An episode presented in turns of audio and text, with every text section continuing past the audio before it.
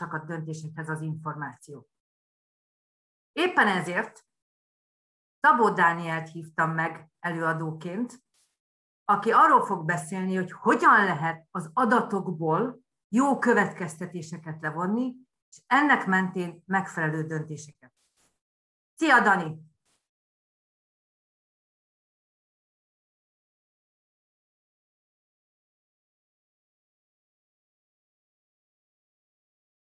Már látjuk a prezentációdat, illetve egy kivetítési üzemmódba érdemes még rakni, és én még nem hallak téged, remélem, hogy nem sokára a hangodat is halljuk.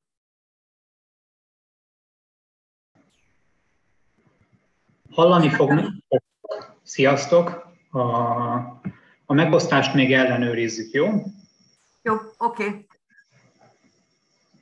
Elvileg most az első szlájdomat kell látni, amin annyi látható, hogy adatvezérelt üzleti döntések, és én azt vállalom a következő negyed órában, hogy adok egy példát, ahogy az értékesítésből származó információ hatott az árazásunkra.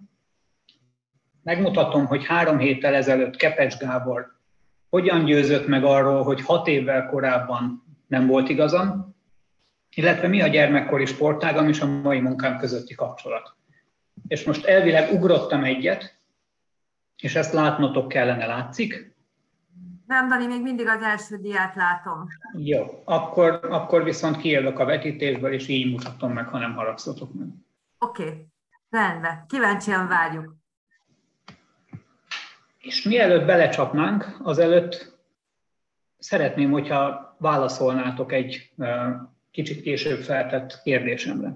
Elmesélek egy profitorientált vállalkozás történetét, most abban két termékének a történetét, és legyetek szívesek, válaszoljatok majd a kérdésembe. Van egy vállalkozás, amely egyik termékének az ára 100, a másik átlagos ára 67. Az első profit tartalma 20%, a másodiké 10%.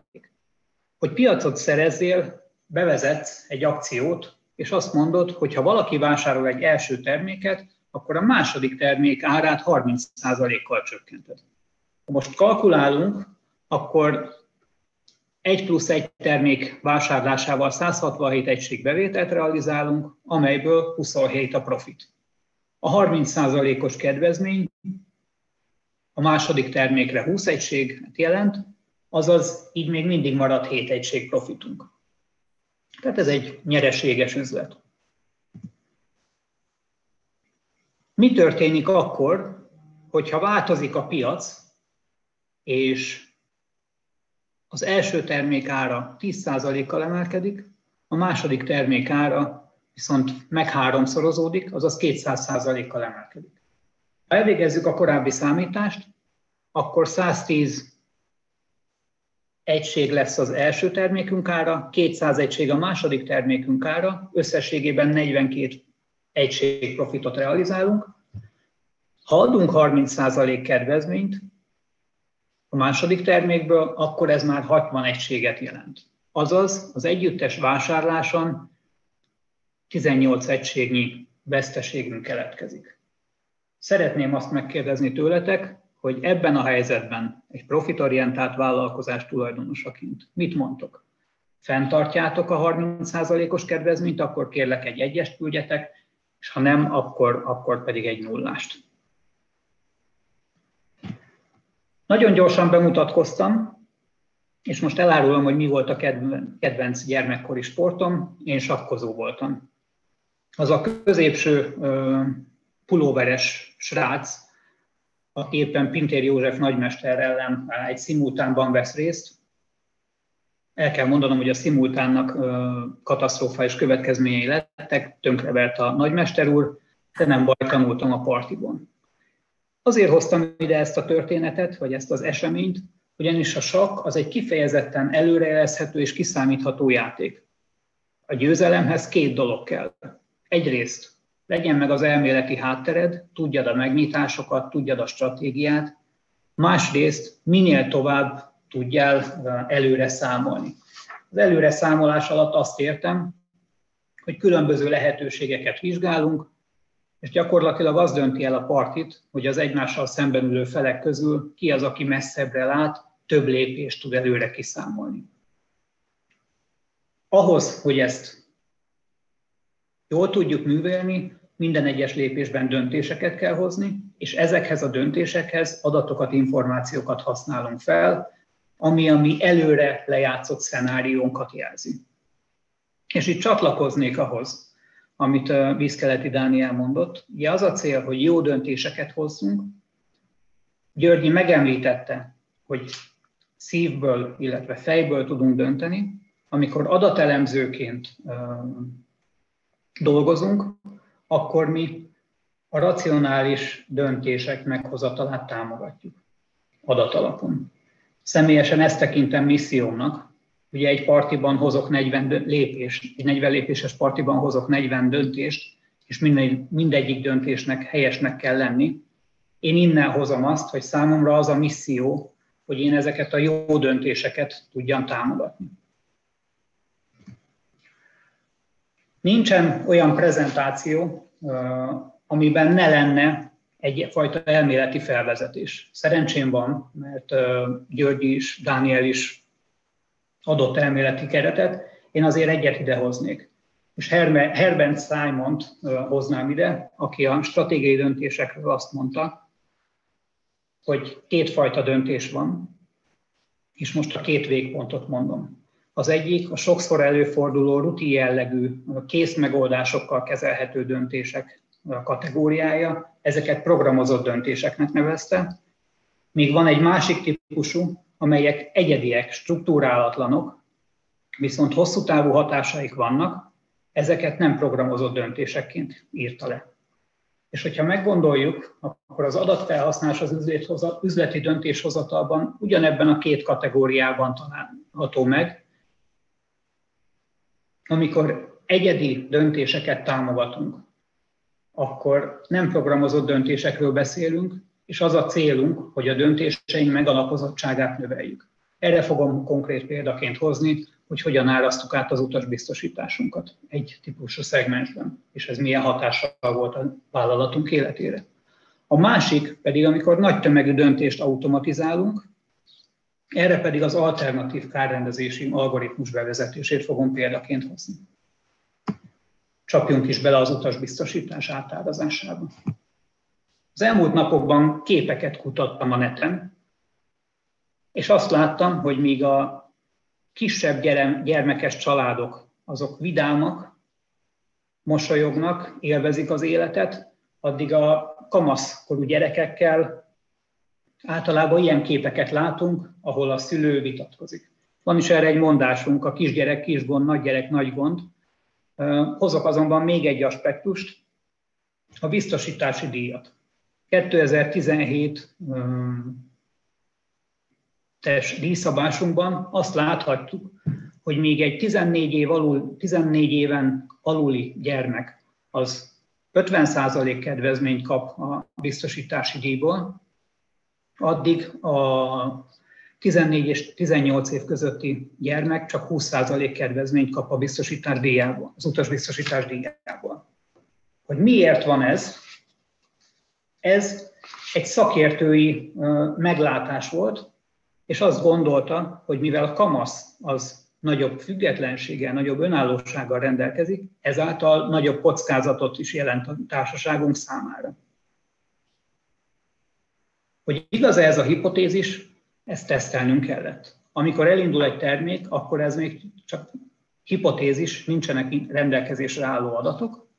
Azonban, amikor két-három éves múltra visszatekint egy termék, és az utas termékünkben éves szinten értékesítettünk 100-120 ezer biztosítást, ebből már jó elemzéseket, illetve következtetéseket tudunk levonni, akár egy-egy kisebb szegmens részére is. És ahogy említettem, az értékesítés jelezte számunkra, hogy ebben a szegmensben nem vagyunk versenyképesek.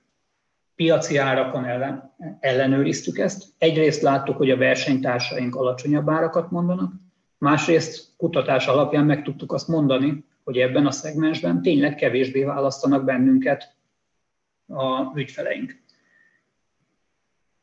Volt két-három éves tapasztalatunk, tízezres nagyságrendben találtunk ilyen típusú kötéseket, és az ezekhez a kötésekhez tartozó kártörténetet is ellenőrizni tudtuk. És azt láttuk, hogy nem jelent nagyobb kockázatot a 14-18 éves család, 14-18 éves kamasszal utazó család ahhoz képest, mint amit a kisgyermekes együtt utazó családok jelentenek. Így köszönhetően a számoknak, illetve a termékterület rugalmasságának ezt a kedvezményt ki tudtuk terjeszteni a kamaszokra is. Hogy mi lett ennek az eredménye? A teljes utas üzletág bevételét 3%-kal tudtuk növelni a következő évben. Adott szegmensben, még a korábbi piaci részesedésünk az 8% volt, ez felemelkedett 26%-ra, ez a két tétel együtt nagyságrendileg 50-70 millió forintos plusz díjbevételt jelentett a cégnek, nagyobb profitot is eredményezett, valamint ezáltal nagyobb jutaléktömeget tudtunk az értékesítésnek, a szerzésben résztvevő értékesítőknek adni. Azt gondolom, hogy ez egy igazi hármas win-win-win szituáció volt, és személyesen nekünk is sikerélményt adott, mert egy olyan területen tudtuk megmutatni, hogy az adatelemzésnek van létjogosultsága, ahol korábban az árazás területén még nem használtuk. Át is ugornék az alternatív kárrendezési algoritmusunk fejlesztésére.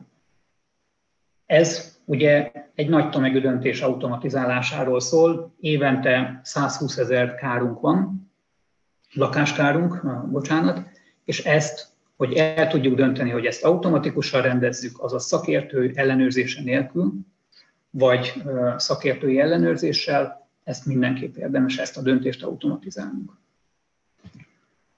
Három héttel ezelőtt Kepes Gábor a beszélgetés nyolcadik percében azt mondta, hogy a vezetőnek kell legyen egy víziója.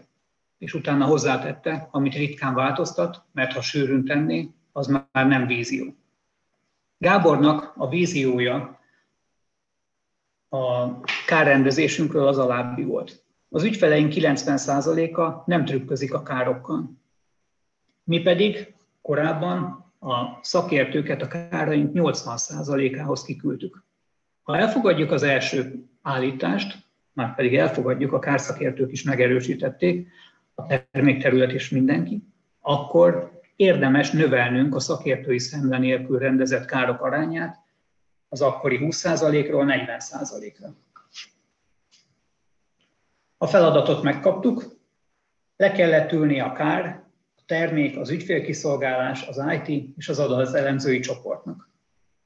Ennek a csoportnak kellett összehangolnia az érdekeit, a szempontjait a menedzsment elvárásaival. Az első megbeszélésen mindenki elhozta a saját szempontjait. A termékterület azt mondta, hogy a biztonság az első 75 ezer forinti kárkifizetés felett mindent ellenőrizzünk. A kár azt mondta, hogy különböző veszély nem más-más súlyjal szerepeljen egy modell, ebben a modellben, és kész szabályrendszerrel érkeztek. Az IT-nak az volt a szempontja, hogy le lehessen könnyen fejleszteni. Az ügyfélkiszolgálás menedzsment csapatja, csapata azt mondta, hogy olyan algoritmust kell kitalálni, és olyan feladatokat kell adnunk az ügyintézőknek, amelyet el tudnak végezni, meg tudnak tanulni, valamint ki kell találni egy érdekeltségi rendszert. És az elemzők pedig azt mondták, hogy induljunk ki a portfólió és az ügyfélszintű statisztikából. Most, hogyha végig gondoljátok, akkor ez az öt szempont, ez borzasztó nehezen összeegyeztethető. És mondok is nehézségeket. Az első ötletek alapján a szakért, kárterület azt mondta, hogy szerinte évi két-három kárt is rendezhetnénk szakértő nélkül.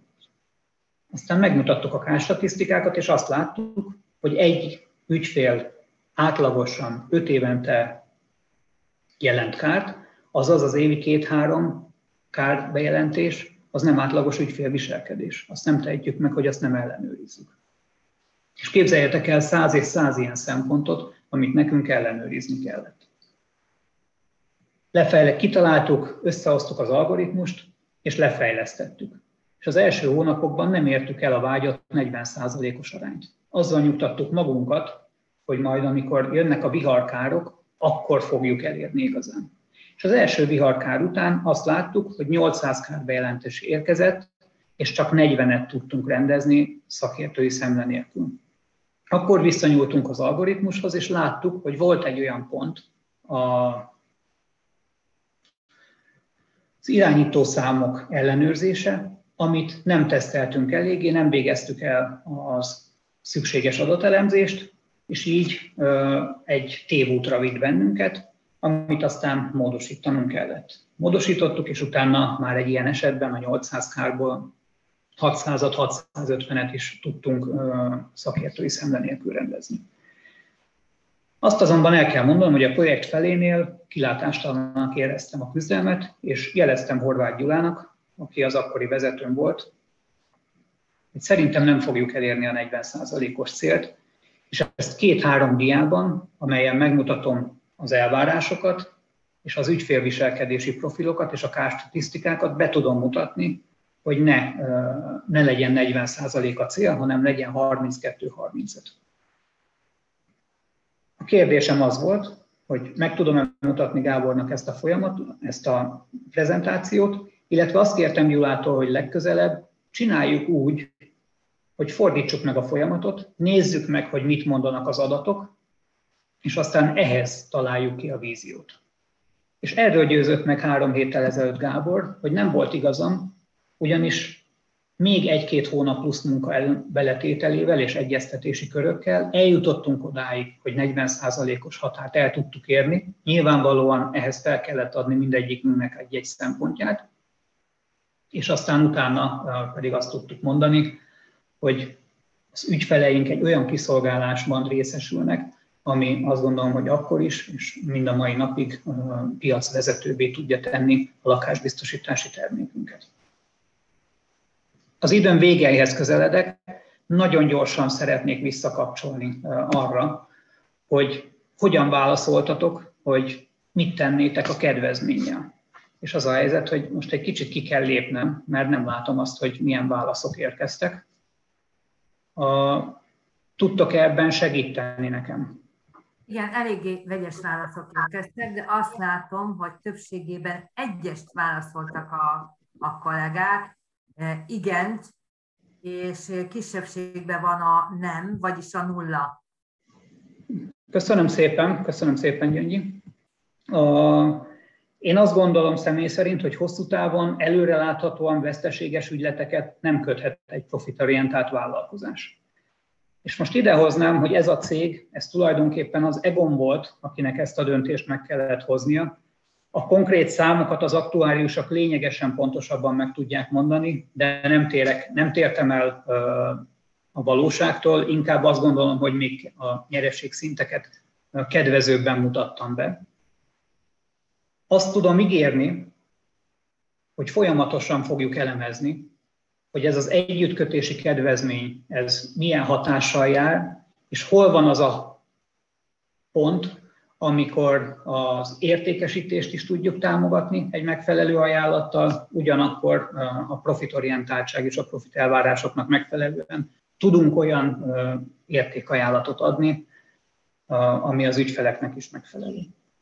És végül négy pontot kérek, hogy vigyetek magatokkal. Egyrészt a helyesen feldolgozott és megfelelően bemutatt adat segít a bizonytalanság csökkentésében és ez jobb döntéseket eredményez.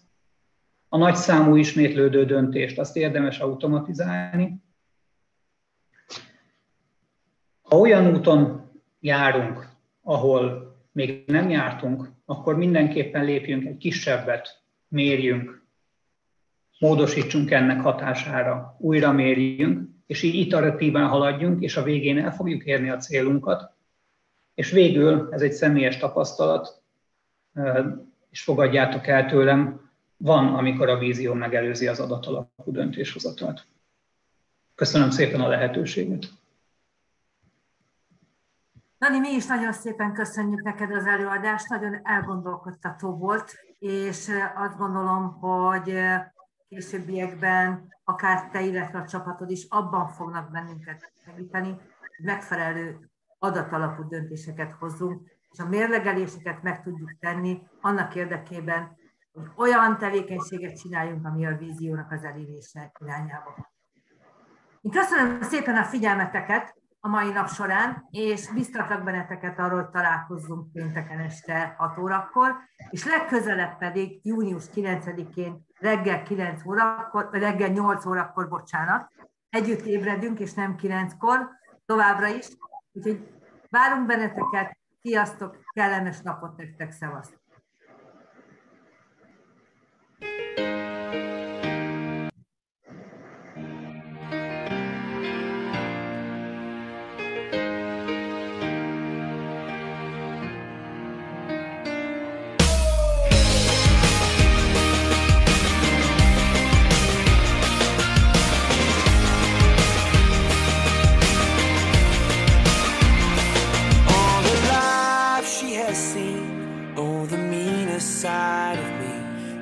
Took away the prophet's dream for a prophet on the street.